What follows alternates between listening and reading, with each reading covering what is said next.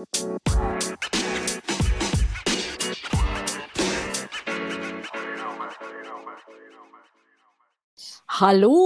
Mas Joni. Halo, Jang Lucy. Pokoknya aku akan mengganggumu terus.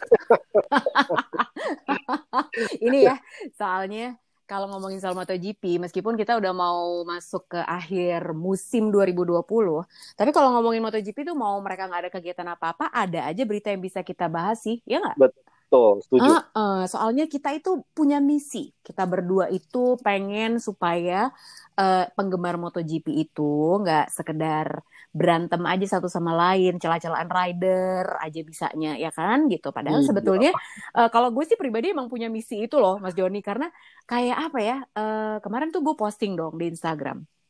Uh, soal Mhm. Suzuki gitu wah gila Suzuki Iya. tuh oke banget segala macam ini sebenarnya apa yang kita bicarakan gitu betapa Iya, prosesnya panjang terus gimana perjuangannya John Mir Alex Rins terus dukungan dari Davide Briviola segala macam terus adalah orang-orang yang komen ya nggak banyak sih paling satu dua Iya, gitu iya.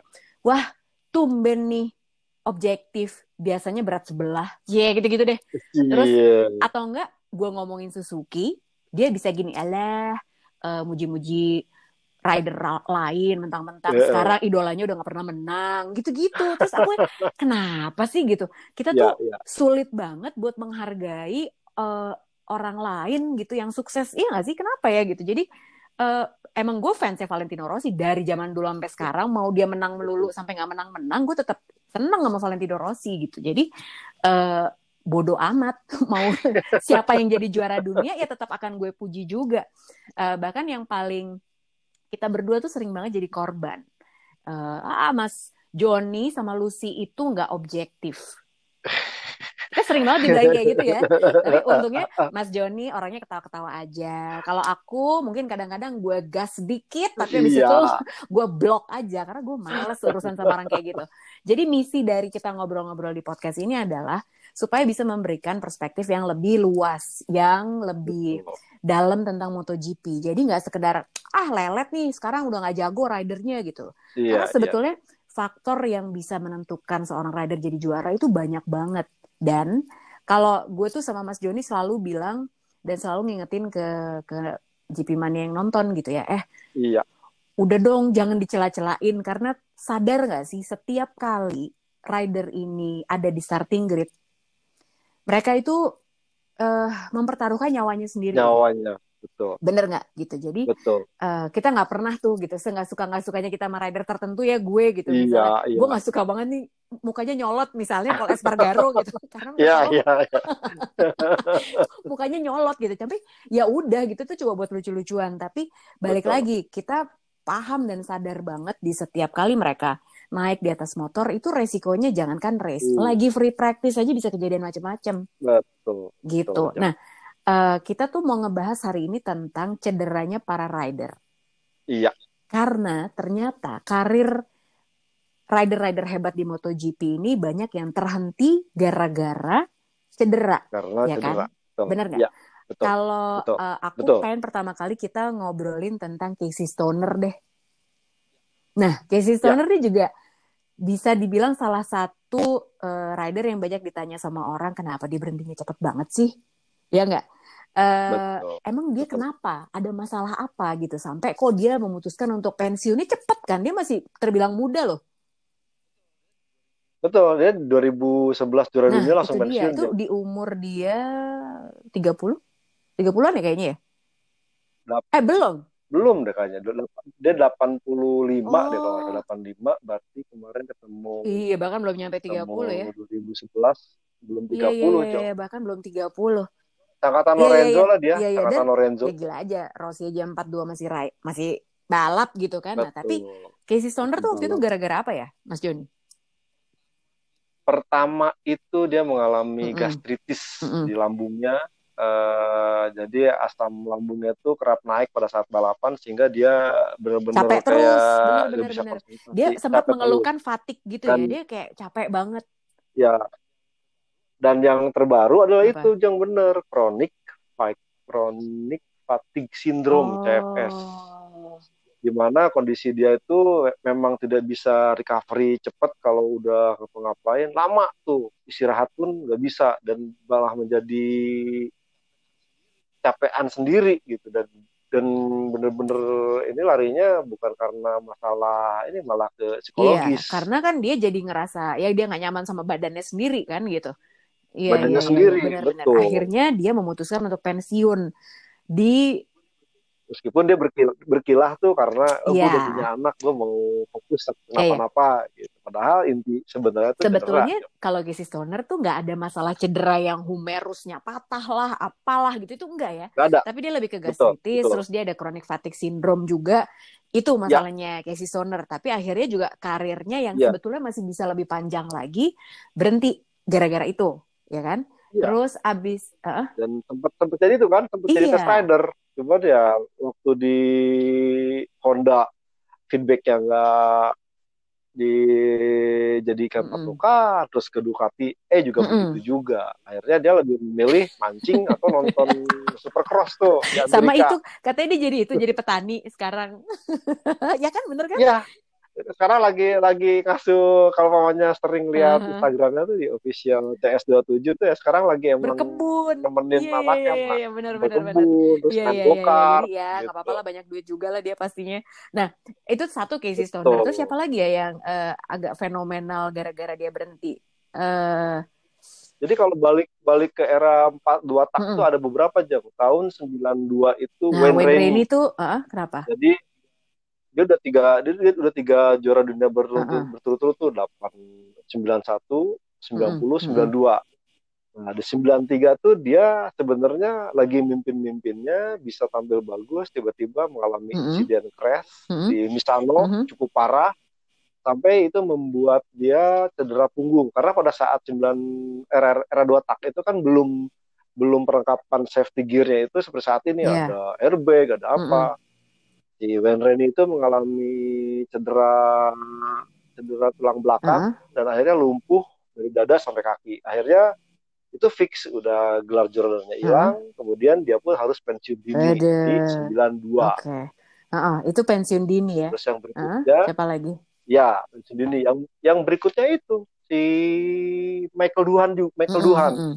Jadi dia lima, ta lima kali juara dunia dari 94 sampai 98. Uh -huh emang dari di awal-awal eh, udah mengalami insiden berkali-kali. Hmm. Jadi kalau namanya Duhan ini tuh istilahnya kolektif cedera gitu, patah di mana, patah di mana. Karena udah berkali-kali, iya benar-benar. Udah berkali-kali hmm. jatuh. Hmm. Nah sembilan sembilan itu dia mengalami insiden di di sebenarnya di kualifikasi di kualifikasi Spanyol. Hmm.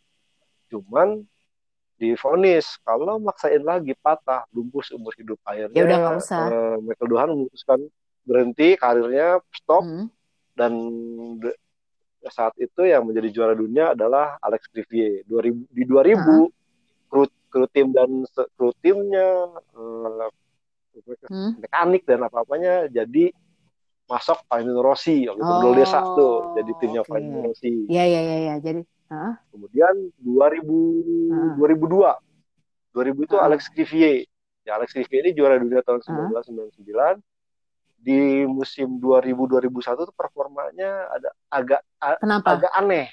Jadi dia sering kali kehilangan istilah kayak vertigo gitu, Waduh. hilang konsentrasi, blank blank. Pas lagi riding saat, tuh, pas lagi lagi race. Wah gila. Iya, lagi riding, terus? cedera, cedera apa ya, sampai yang paling parah itu ya itu hmm, di Sachsenring hmm. tahun hmm. 2001 itu kejadian di saat hmm. latihan insiden pertama itu di tikungan yang sama nabrak Capirossi tapi makanya sendiri dan pada saat ditanya dia tidak bisa mengingat yang benar ya? serem banget sampai, ah gila betul, terus terus betul uh -huh. sampai sampai akhirnya dia sampai uh -huh. absen tuh berapa uh -huh. ronde balik lagi dan performanya pun tidak tidak begitu seperti biasanya. Juara dunia loh dia 99 tapi 2021 tuh kok jadi pembalap hmm. biasa. Nah di pas udah detek secara mendalam ternyata memang akibat dia sering mengalami jatuh mungkin kenapa-napa ya kondisi psikologis dan sarafnya yeah. itu dengan normal. Jadi bisa kejadian dia hilang blank celaka. Nah akhirnya dia memutuskan untuk pensiun Aduh gila ya. 2002. Itu aduh itu ngilu banget sih dan itu bahaya banget Betul. sih. Aduh ampun ya.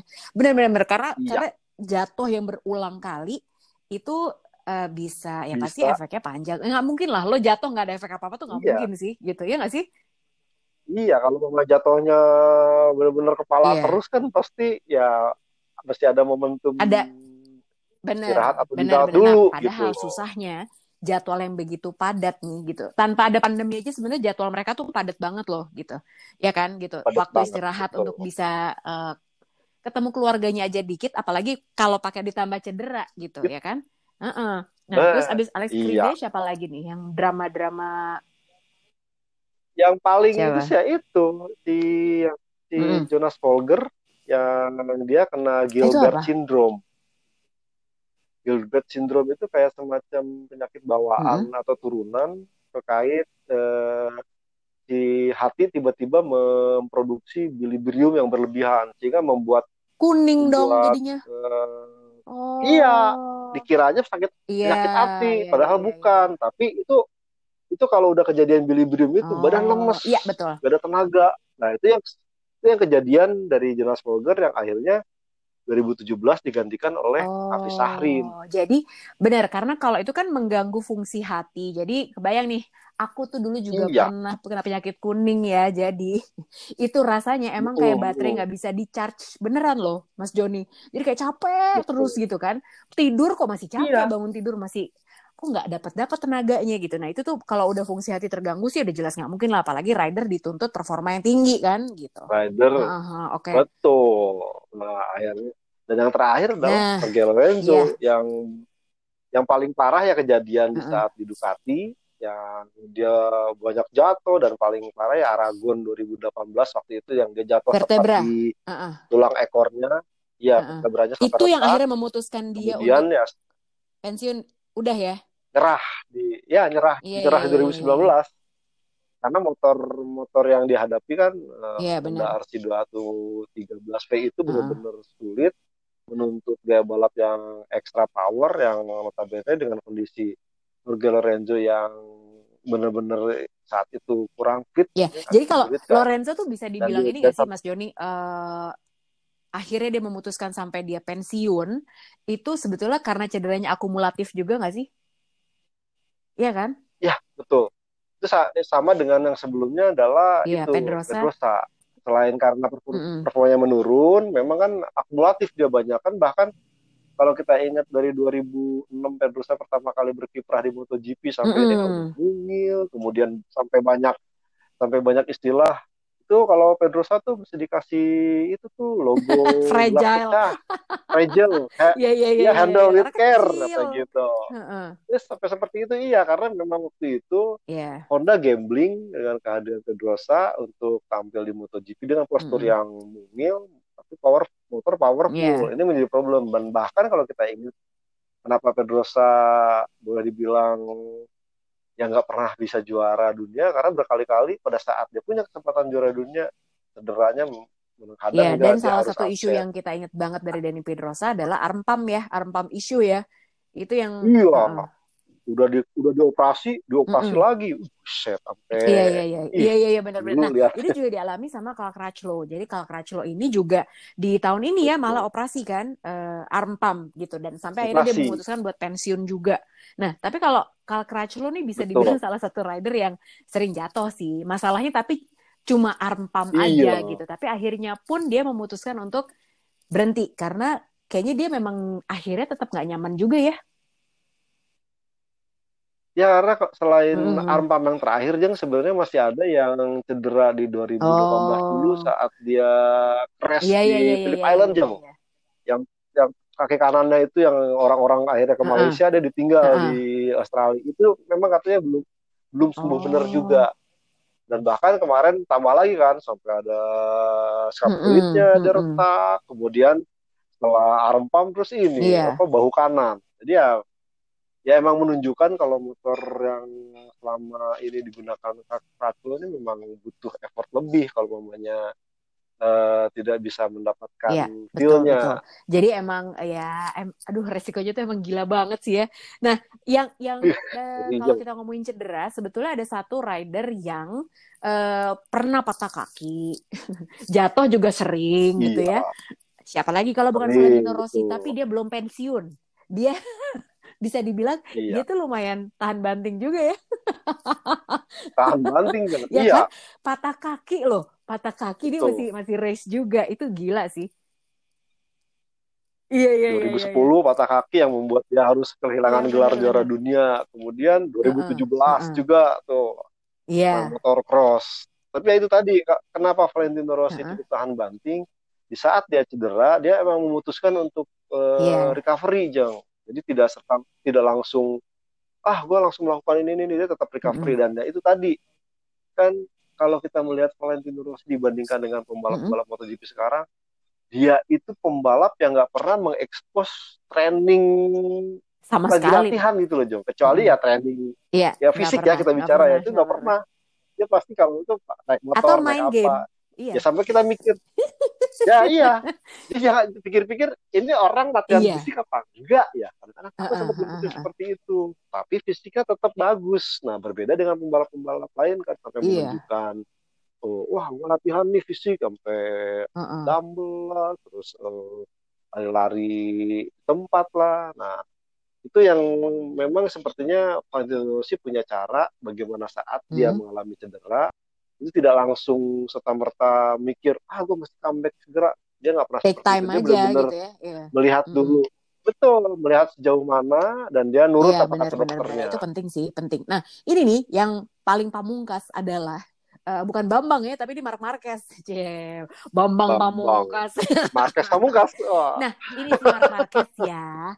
Jadi GP Mania ini bukan ini bukan gue sama Mas Joni yang bikin-bikin, tapi lo kalau mau browsing di mana pun, terutama di berita-berita online di luar negeri, Iya kan di luar negeri Luar deh, negeri, jangan betul. jangan media sini deh kalau lo nggak percaya gitu ya. Kecuali medianya Mas Joni dong. motorplusonline.com Nah, beritanya, ya dong. Nggak apa-apa Promosi. dong. Eh itu kan itu ada apps-nya apa cuman di website aja sih Mas Joni ngomong-ngomong? Di website ya, website tapi aja, eh, pokoknya Eh, update eh, melulu tuh ya. Oke, coba Update diulang pasti. silakan. Apa linknya? Nah, tuh kan Mas Joni juga ada tulisannya yang jelas di situ. Nah, kalau kalau kita ngomongin soal Mark Marquez, ini jadi banyak banget beredar di luar Iya. sana kan dia memang akan mengalami eh, operasi yang ketiga. Katanya. Operasi yang Ini kan gara-gara kemarin pas di Harris dia Iya. jatuh tuh masih panjang tuh gitu. Udah operasi dua kali, Betul. ternyata masih bermasalah juga. Sampai akhirnya orang banyak yang berspekulasi. eh bisakah di tahun 2021 ini dia akan geber lagi atau sebenarnya ini akan mempengaruhi karirnya dia. Kita pernah menyinggung sedikit sih gitu karena eh, banyak yang Iya. Honda sendiri nggak terlalu terbuka tentang cederanya Mark Marquez dan Betul. tahapannya apa aja karena ya Iya. dipahami sih nggak mungkin dia akan ngebuka secara detail karena kan nanti kompetitor yang lain aha Marquez Oh, bisa betul. nih gitu kan Eh, nggak mungkin lah nggak mungkin akan Iya, dikasih informasi betul, yang betul. jelas tapi memang akhirnya para jurnalis ini berspekulasi ini bisa mengakibatkan karirnya berakhir nggak sih jangan-jangan dia akan bernasib sama juga nih kayak si um, rider-rider yang tadi Mas Joni bilang gitu kan Alex Riviera terus Mick Betul. Duhan lah gitu Iya. bisa jadi kayak Jorge Duhan, Lorenzo betul. gitu Eh, gak tau deh kalau Mas Joni lihatnya Iya. akan seperti apa bisakah di tahun 2021 Eh, karena udah dengar kabar loh bahwa dia kemungkinan bahkan di race-race awal 2021 dia juga nggak akan turun, Belum ya kan? Iya. Jadi kalau kita melihat mulai dari cedera, kemudian Hmm. proses penyembuhan, kemudian yang akhirnya diperparah lagi dari kejadian Iya. jelang MotoGP Brno, itu otomatis proses penyembuhannya agak sedikit lama tuh dari Iya. dari Juli ketemu Agustus. September, Oktober, dan bahkan di Agustus itu diungkapkan dua tiga dua Iya. sampai tiga bulan dan sampai akhirnya full tidak tampil. Itu berarti dari dari Juli, Agustus, September, Mm-mm, Oktober, mm-mm, November. Nanti itu lima enam bulan. Nah sekarang kalau katakanlah ya asumsikanlah Mark Marquez ini melakukan operasi yang ketiga, karena kan sempat sempat saya baca di beberapa berita itu karena proses penyembuhannya tidak Betul. sesuai yang diharapkan. Jadi Tulangnya proses tuh kalau nggak salah, pertumbuhan sel tulang itu nggak Iya. nggak ada iya nggak nyambung Benar, masih aja gitu-gitu apalagi apalagi sampai juga ada spekulasi bahwa otot kanan atasnya itu sarafnya kena Hmm. gitu jadi ini mencoba mencoba untuk istilahnya tim Mm-mm. dokter yang baru sampai kabarnya dia mau pergi ke Mhm. Austria nih ya tim tim Mm-mm. tim dokter baru. Nah, kalau sampai melakukan operasi ketiga ini, tentu prosesnya lagi dari awal lagi. Katakanlah dia melakukan Desember, berarti Desember pemulihan Januari, Februari, Maret, April, Iya. Mei. Lima enam bulan sampai Juni. Ini artinya dia harus benar-benar dalam tanda petik harus benar-benar serius, tidak isinya nggak nggak centil-centil Iya. kayak kemarin-kemarin udah nyoba motor Iya, lagi, iya, latihan iya, ini lagi. Dia benar-benar harus fokus dalam penyembuhannya itu Heeh. sekitar lima enam bulan. Mei atau Juni Heeh. baru akan kembali. Mengingat proses penyembuhannya dari Apalagi awal lagi. ternyata, gue nggak tahu nih bener apa enggak. Kemarin tuh aku sempat baca. Jadi Mm-mm. proses operasinya tahu nggak gimana? Jadi berhubung tulangnya kan tadi Mas Joni bilang tulangnya tuh nggak keisi gitu. Tulang yang patah itu dia nggak nggak terbentuk lagi jaringan yang baru, ya kan? Akhirnya Jaringan, konon Iya. katanya eh, dia akan melakukan bone graft. Jadi bone graft itu gue juga melakukan bone graft soalnya. Ih. Tapi buat gigi Oh. ya kan?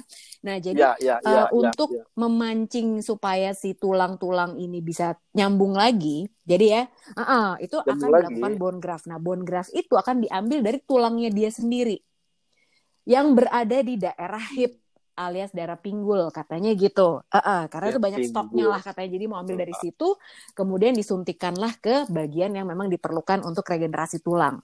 Nah, jadi kebayang nggak sih? Itu kan yang dibuka cuman bukan Iya, bukan iya, iya, bagian iya. yang patah si humerus itu, tapi di bagian hipnya Iya, akan tapi juga dibuka juga untuk ngambil si bone-nya Iya. kayaknya ya gitu. Nah, jadi itu Iya, pun iya, iya, juga eh, jadi gue pernah tuh Mas Joni kan akar gigi gue tuh dipotong ya Mm, gara-gara infeksi Yang- lah gitu. Terus udah gitu, tapi harus tetap Hmm. ada akarnya. Nah dokter gigi gue tuh bilang itu gue baru tahu istilah bone graft tuh di situ. Eh, jadi ini kita kasih bone graft ya gitu. Apaan tuh dok bone graft? Jadi kita kasih tulang se- sendi-sendi tulang muda gitu supaya dia bisa mancing tulang kamu buat tumbuh lagi katanya gitu. Nah itu perlu waktu 3 sampai 4 bulan. Itu tuh gigi doang loh. tuh, kan?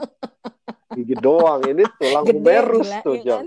Gue tuh gigi doang. 3 sampai 4 Iya. bulan. Jadi eh, sampai sekarang aja itu aku operasi tuh kalau nggak salah dua bulan yang lalu ya. Ini aja masih kayak ada berasa-berasa gak nyaman ya sebenarnya gitu. Tapi eh, jadi emang kan dia numbuh gitu kan. Dia akan coba jadi satu namanya juga jaringan lain terus dari itu Betul. dimasukin terus dia akan coba untuk Iya, eh, adjust dengan jaringan yang ada di badan gue karena Mark Marquez pun juga mengalami hal yang sama nih tapi ini lebih parah lagi karena lebih gede Itu. aduh aduh ngilo ya tapi nggak tahu deh Iya. menurut lo Iya. hmm, kemarin gue baca tweetnya si Simon Simon Peterson Eh, dia Mm-mm. mengeluarkan sebuah pernyataan kontroversial yang kalau dibaca sama fansnya Marquez di Indonesia kayaknya dia udah abis Pasti. Uh, iya, pasti ada yang Wow. ada yang itu. Wah, Nah, tuh Dia bilang, datangi aja. gitu. kayak bisa aja ke sini ya kan Iya. susah cuman dia nulis gini em, menurut dia intinya Marquez tidak akan lagi sekompetitif yang dulu gitu dia nggak akan mendominasi ya menang pasti masih bisa gitu tapi tidak akan mendominasi seperti dulu Eh, udah Iya. banyak sih di luar sana juga fans-fansnya Marquez banyak yang ah ya enggak lah dia tuh masih bisa lagi dia pasti gini-gini masih muda segala macam gitu kan tapi dia bilang Betul. Loh, betul. ini tuh gue bukan gara-gara sentimen ya, tapi ini masalah siklus aja gitu. Nggak ada rider yang mendominasi lebih dari Iya. sekian kali kemenangan, katanya gitu. jadi kalau udah sekian kali jadi Hmm, juara betul, dunia, betul. tuh kayaknya abis itu declining. Itu gue berdasarkan statistik aja. Tahu deh, lo setuju Hmm. apa enggak? Ya kalau kalau melihat sebenarnya ada Hmm. setujunya juga. Cuman sebenarnya untuk proses Hmm. Mark Marquez Ya, kalau tidak ada cedera mungkin decliningnya Masih lama. masih sekitar Iya, dua benar, musim tiga musim ke depan Jom. Cedera ya. Itu kan iya problemnya.